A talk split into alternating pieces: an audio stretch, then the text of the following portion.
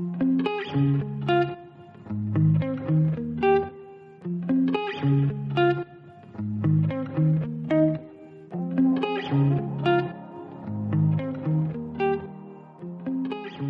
och välkomna till nästa avsnitt av podcasten Träning med mig Henrik. Och mig Sebastian. I dagens avsnitt så kommer vi att diskutera hur påverkas konditionen av träningsuppehåll? Vad krävs för bibehållen styrka och muskelmassa? Och skiljer det sig mellan olika åldrar? Så det och lite till kommer vi att diskutera i dagens avsnitt.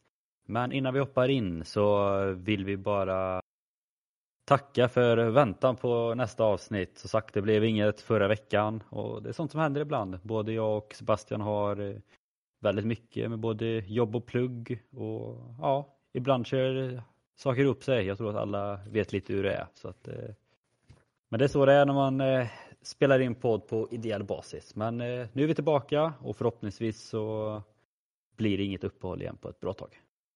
Nej, det är som Henrik sa, att jobb kan alltid komma emellan som sagt och vi försöker alltid prioritera. Men det är inte många gånger på det är längre än ett år eller vad är det? I alla fall, vi ser i alla fall på 85 avsnitt som vi inte har lagt ut varje vecka. Så det är väl ändå så bra och det är det vi kommer att fortsätta göra. Jag tror, om jag minns rätt, att det var typ förra sommaren. För det är nästan ett och ett halvt år sedan i så fall. Så det är bra. Det är riktigt bra. Och sen då, eh, just med dagens avsnitt. Ibland som vi också gör när vi känner att det är fullt upp och vi inte kanske riktigt kan djupdyka i svåra ämnen så ja, men, tar vi lite tips från återigen vår favoritsida idrottsforskning.se. De har räddat oss och gett oss så mycket kunskap Eh, det senaste. Men vi, tänker, vi fortsätter där. De fortsätter lägga upp massa intressanta artiklar och vi tycker de är intressanta och förhoppningsvis gör ni det också. Så att eh, Dagens artikel, dagens avsnitt kommer handla om Så påverkas kondition och styrka av perioder med lite träning. Och den är skriven av Viktor Bengtsson, eh, universitetsadjunkt på fysioterapeutprogrammet på Uppsala universitet. Och artikeln börjar helt enkelt med det finns situationer där man väljer eller tvingas att träna mindre. Som tur är kan väldigt lite träning räcka för att bibehålla sin fysiska kapacitet. Framförallt när träningen utförs med hög intensitet. Och vi har varit inne och nosat lite på det här för, ja, vad kan det ha varit, 50 avsnitt sedan eller någonting. O, I alla fall oerhört länge sedan tror jag någon Q&A. Men eh, det skadar ju aldrig med lite nyare forskning och vad som sägs just nu så att vi hoppar in direkt och så frågar jag Sebastian, vad, hur påverkas konditionen av träningsuppehåll? Ja, eh, man kan väl säga så här, eh, lägga en grund att ju bättre tränad du är, desto mer har du förlorat. Eh, idrottare med hög maximal eh, VO2 max eller syreupptagningsförmåga eh, tappar nämligen eh, det är snabbare helt enkelt eh, vid träningsuppehåll ifall man jämför med en vanlig motionär. Man kan säga att tar man två veckor för en elitidrottare eller två veckor för en vanlig svensk som oss, då kommer elitidrottaren att tappa eh, lite mer. Eh, det verkar däremot krävas omkring som sagt någonstans mellan de här två till fyra veckor uppehåll eh, från träningen för att syreupptagningsförmågan ska försämras. För att träna vidare har man sett en kortare träningsuppehåll, någonstans under eh, fyra veckor försämrar VO2 max, men någonstans mellan 4 till 14 procent. Eh, med längre uppehåll, alltså över fyra veckor, är resultatet en försämring av VO2 max någonstans mellan 6 till 20 procent. Eh, man kanske inte riktigt behöver ha superkoll just på vad de här procenten gör men jag tycker ändå så det är en ganska stor skillnad från att höra.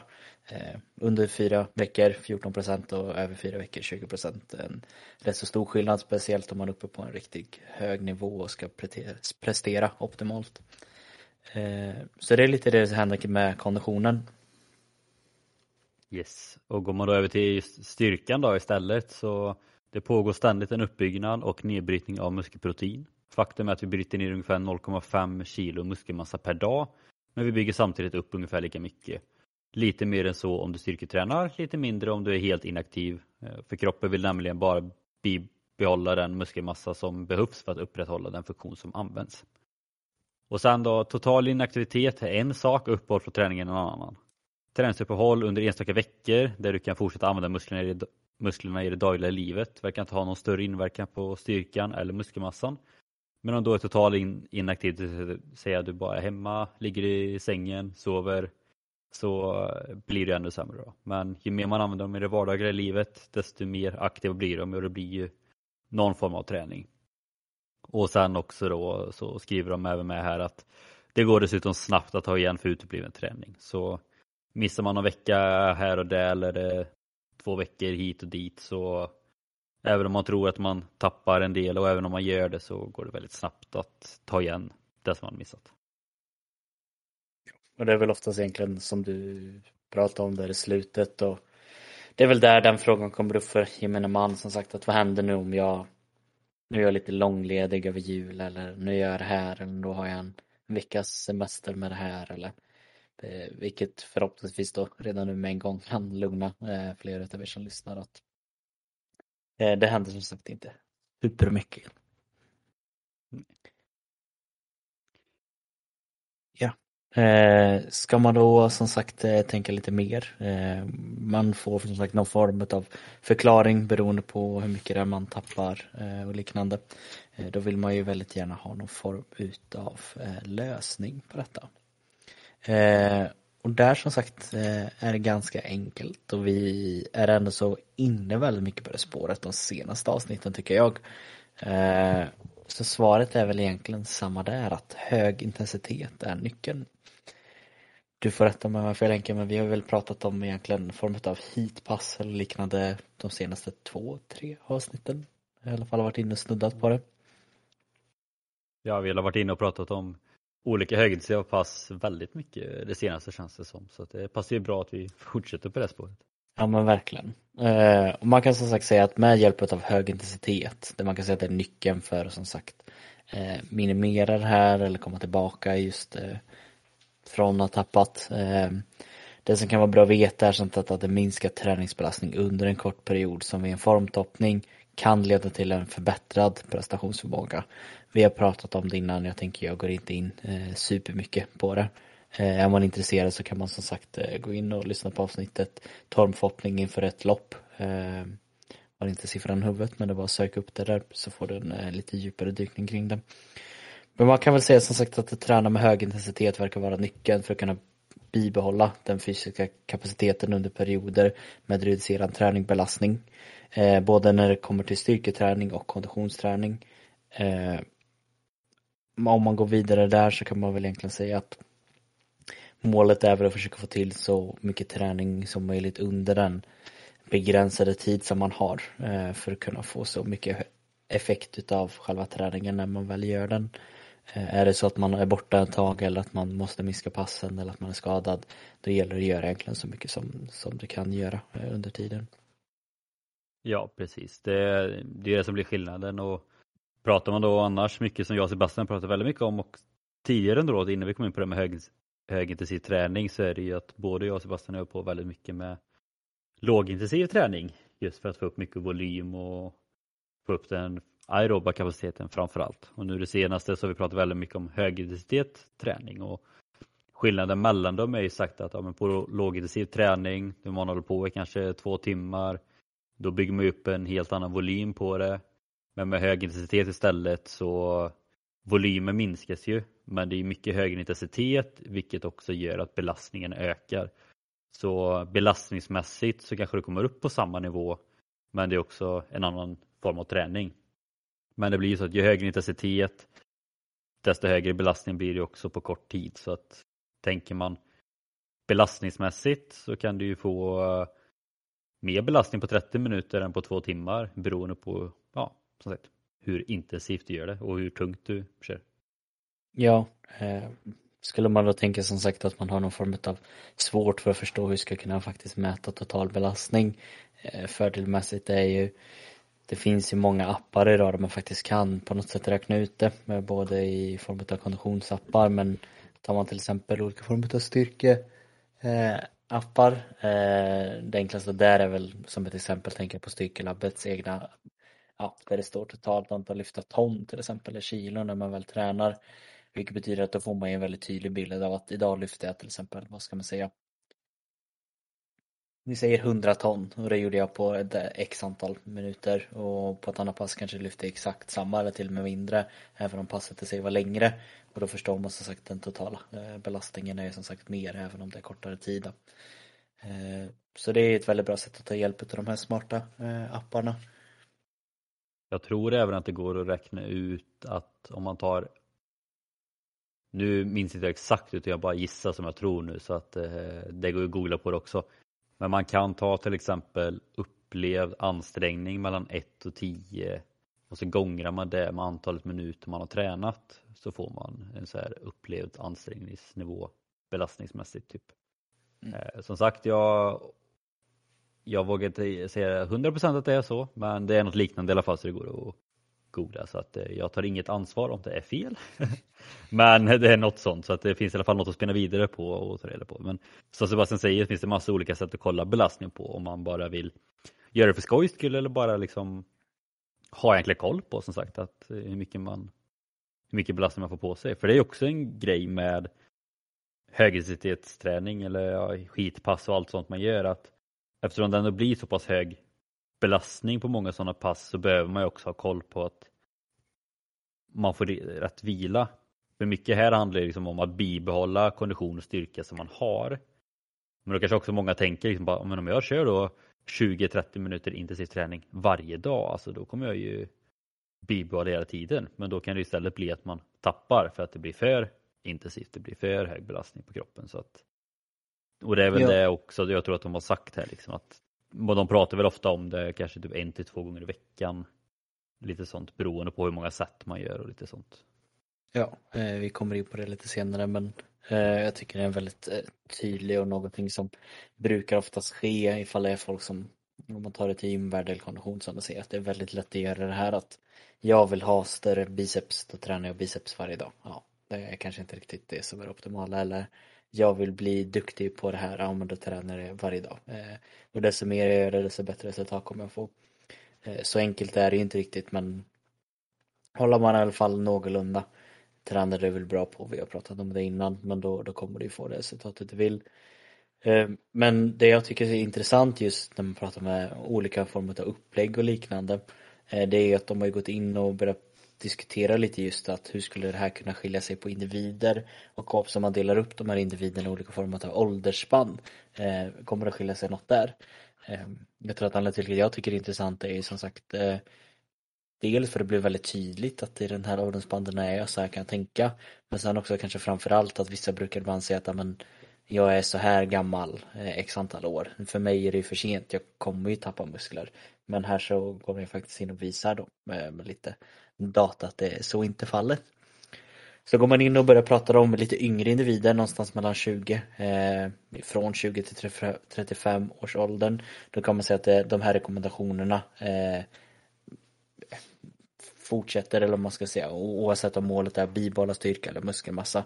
Alltså att man ska ligga på den här formen av eh, högintensiva träningen. Eh, man vill då försöka göra de här tunga lyften. Eh, ett annat alternativ är att man tränar tills man kommer till failure, alltså att man tränar tills man inte orkar mer. Man känner att ah, men nu, nu, nu får jag inte upp vikten eller liknande. Eh, och det är formen av högintensivt. Det här är liksom generell högintensiv träning är som sagt optimalt för någon som är 20 till 35 års ålder. Eh, pratar man däremot lite äldre individer, man tar det kanske lite större hopp då dit, det brukar oftast komma upp den här frågan att nej det är för sent för mig, jag har redan börjat att tappa någon form av muskelmassa eller liknande. Någonstans mellan kanske 60 till 75, 75 års plus.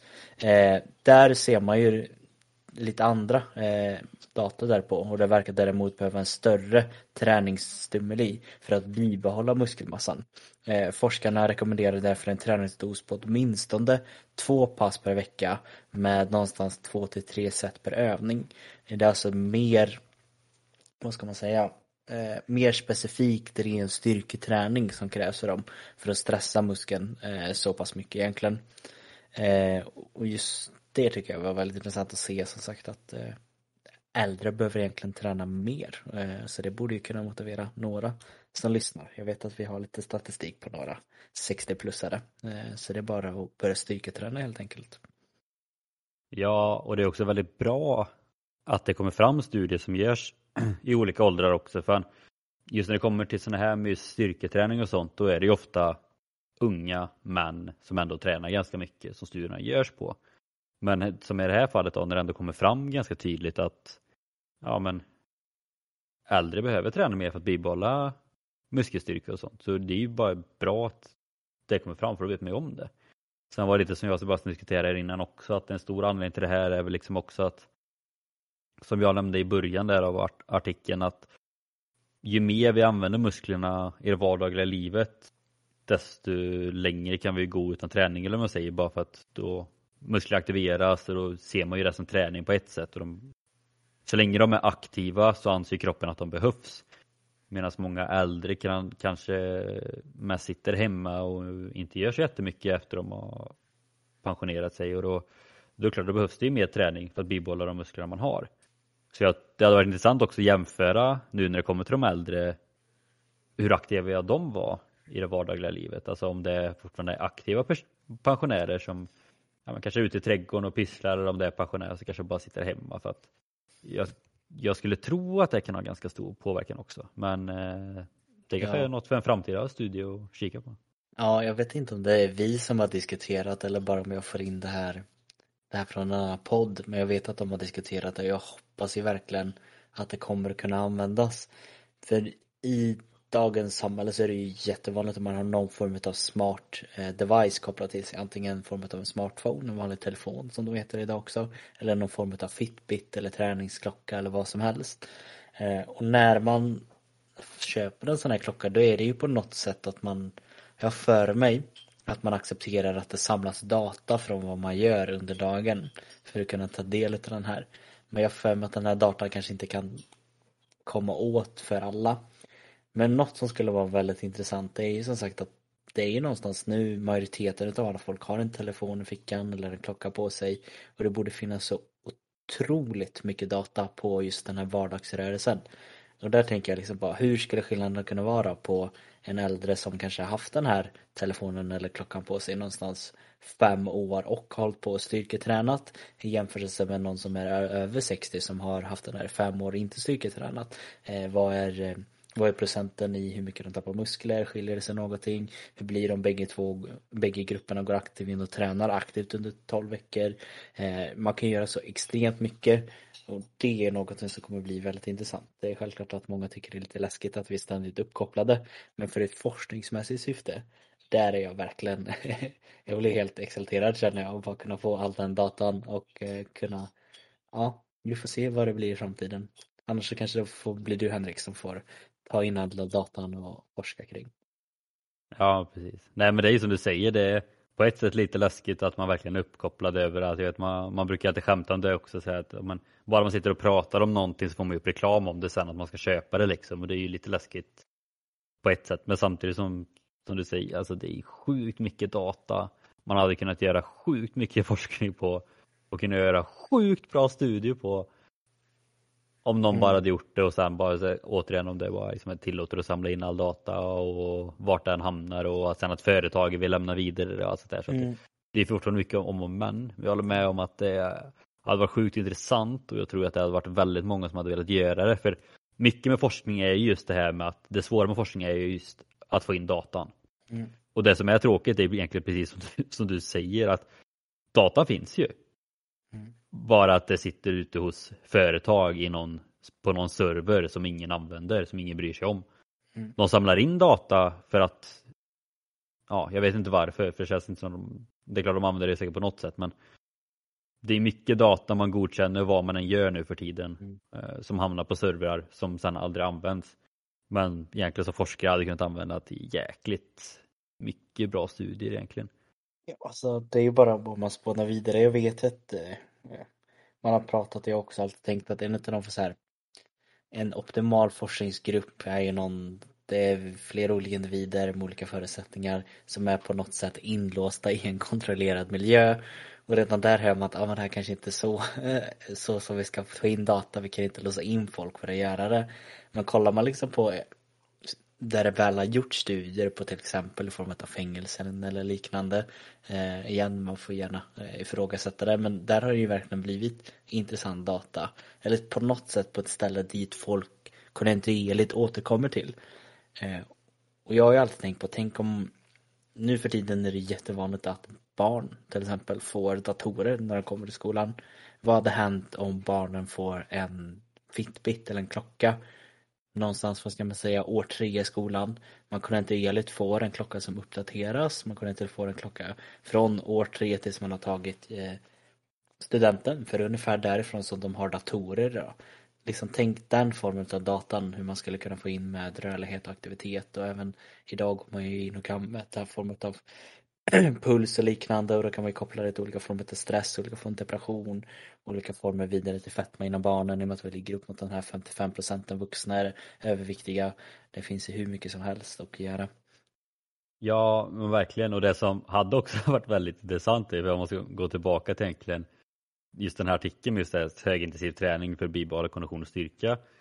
Det kanske inte är främst det för som sagt eh, låg och mellanstadieelever.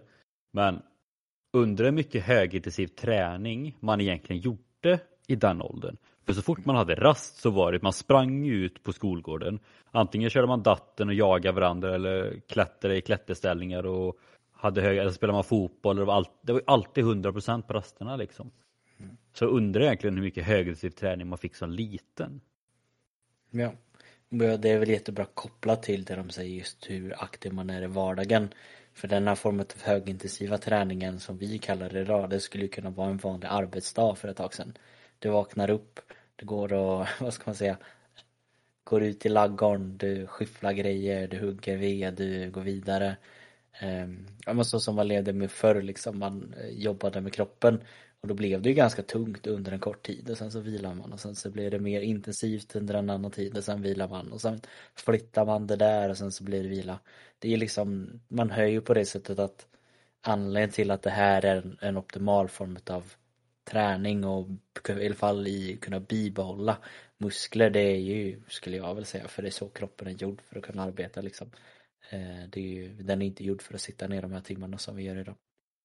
Fast lite liknande är det ju ändå nu för att först ska man eh, skriva klart sitt mail så man hinner skicka det. Sen ska man springa ut till fika för att hinna ta en kaffekopp. Sen ska man springa tillbaka för att skicka in något till chefen och sen måste man springa till nästa möte för att hinna med det liksom. Och sen måste du snabbt tillbaka till datorn för att snabbt knappa in ytterligare någonting på datorn. Så att, eh, för fingrarna kanske det är högintensiv träning.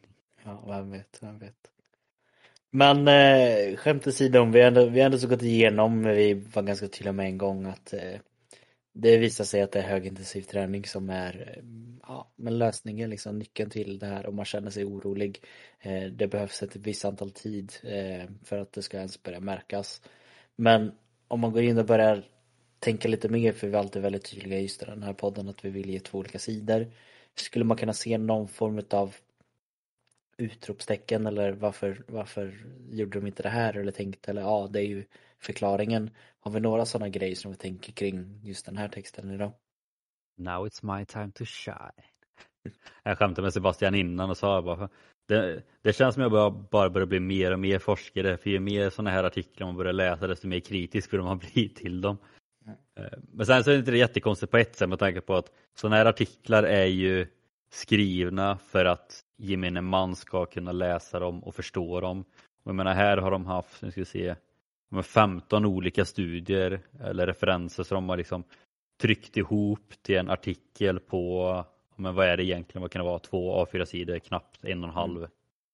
Så det är klart att det blir mycket information som utelämnas. Men liksom något som jag reagerar på mycket, till exempel om man tar konditionen i det här fallet, är ju att det pratas ju bara om VO2 max Sen så är det alltid den klassiska frågan just det här bara, men ska man kolla uthållighet eller kondition? Är det samma sak? Vad är skillnaden? Och det är också beroende på vad man pratar med.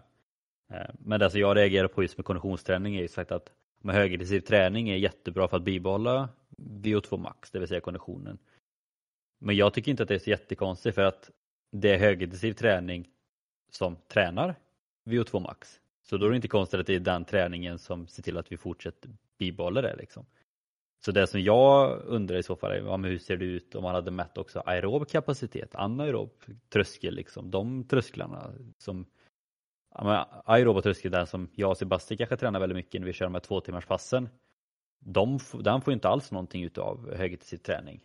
Eh, men då kan, går ju den mer under uthållighet än kondition, så det är också hur man ser det på det sättet. Men just den anaeroba tröskeln också, alltså mjölksyretröskeln, hade också varit intressant att se, ja men bibehålls den också?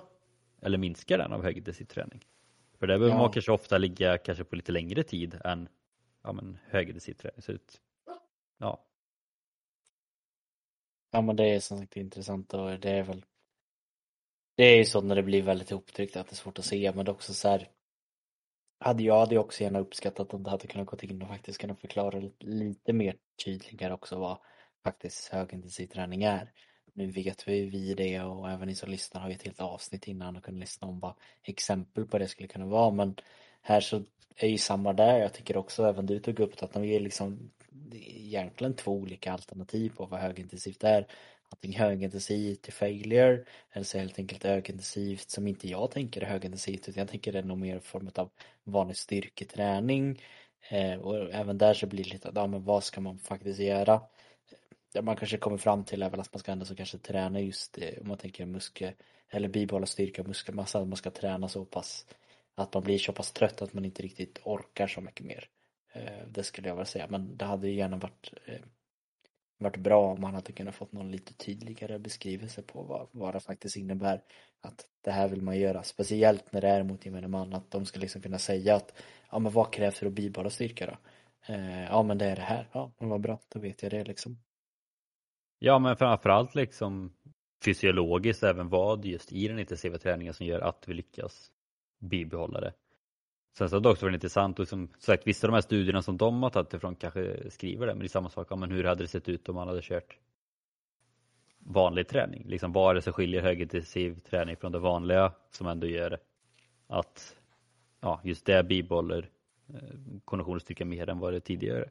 Sagt, i konditionen så tycker jag ju personligen att det är ganska tydligt just att om högintensiv träning det är det man ska träna om man vill förbättra VO2 max liksom. Så att, mm. Nej, ganska självklart. Styrketräning, ja det är väl liksom belastningen blir väl tillräckligt hög för att för att man ska bibehålla den här styrkan. Liksom. Men sagt, det, det känns som det är delar som eh, saknas men samtidigt förstår man också de ska skriva en kort och lätt artikel. Ska de få med alla delar som vi som nördar vill ha med, då blir det en fruktansvärt lång artikel istället. Och det är väl det vi också vill få fram sagt, med, med just den här artikeln. Liksom, att, ja, men, nu tog vi fram lite vad som står i den. Vi tog fram lite nu då kritik vad som finns med den. Men sen också sagt att vi har ju heller inte tagit upp nu då bara, ja, men hur ska ni träna högintensivt då? För att det är ändå det vi vill få med i den här podcasten, liksom hur ni kan träna. Men som vi också har nämnt lite då, jag tror vi har tre eller fyra kanske avsnitt och senaste eh, 10-15 liksom där vi pratar om högintensiv träning och vi har massa olika pass och sånt. Så det känns som att det är i så fall bättre att ni går in och lyssnar på de avsnitten där ni kanske kan få fyra olika högintensiva pass i en, ja, på ett avsnitt än att vi ska upprepa det här eller komma med något ytterligare nytt liksom. Utan vi har flera avsnitt som är väldigt bra. Det är 15 minuters träning bättre än 60 tror jag. Vi pratar om något om det. Fyra optimala träningspass är väl det mest den bästa för det var ju fyra högintensiva pass. Jag tror bara vi hade högintensiva pass där i alla fall. Mm. Eh, och sen finns det ytterligare några så att det är egentligen bara att gå in och kolla om ni vill ha just tips på hur ni kan träna högintensivt. Men eh, här har ni då fått ändå en liten grund till då att om, om ni känner att ni inte har tid till att träna eller om det är så att ni är sjuka en vecka eller att ni är på semester eller på arbetsresa och inte har möjlighet att träna. Som sagt att ja, men under en vecka, det är skitsamma på ett sätt och får ni tid för någon form av träning, kör högintensivt. Mm. Gå in och lyssna på avsnittet hur du kan träna på 15 minuter. Då är du mer eller mindre safe ändå. Ja, precis. Så att eh, ja, en liten kort sammanfattning och ändå lite info. Förhoppningsvis så fick ni ändå något nytt. Så att vi har varit lite inne på lite många olika delar och lite så blir det också när vi har släppt sagt, det här 85 avsnittet. Det kommer bli lite repetition för tidigare avsnitt men förhoppningsvis blir det ändå väldigt mycket nytt. Det, det kändes i alla fall så när man läste den här att det var mycket mer nytt än vad vi tog upp i det, den Q&A tidigt i alla fall. Ja, verkligen. Eh, ja, Eh, och är det så då att man sitter där och känner att jo men det här ämnet, det här ämnet har ni inte pratat om, varför har ni inte gjort det? Ja men det är för inte du har skrivit till oss på Instagram och frågat om det ämnet. Eh, så det du behöver göra då är att gå in på Traning Podcast och skriva eh, på direktmeddelanden vilket ämne det sitter och vill ha svar på så gör vi ju hittills alltid har vi gjort ett avsnitt om era frågor. Så det är bara att gå in och göra det. Är det så att du vet med dig att det är någon eh, nära och kär eller som jag alltid brukar säga, eller till och med fiende som kanske är lite orolig över att de inte har tränat nu på en vecka. Ja men då är det lika bra att du delar det här avsnittet till dem.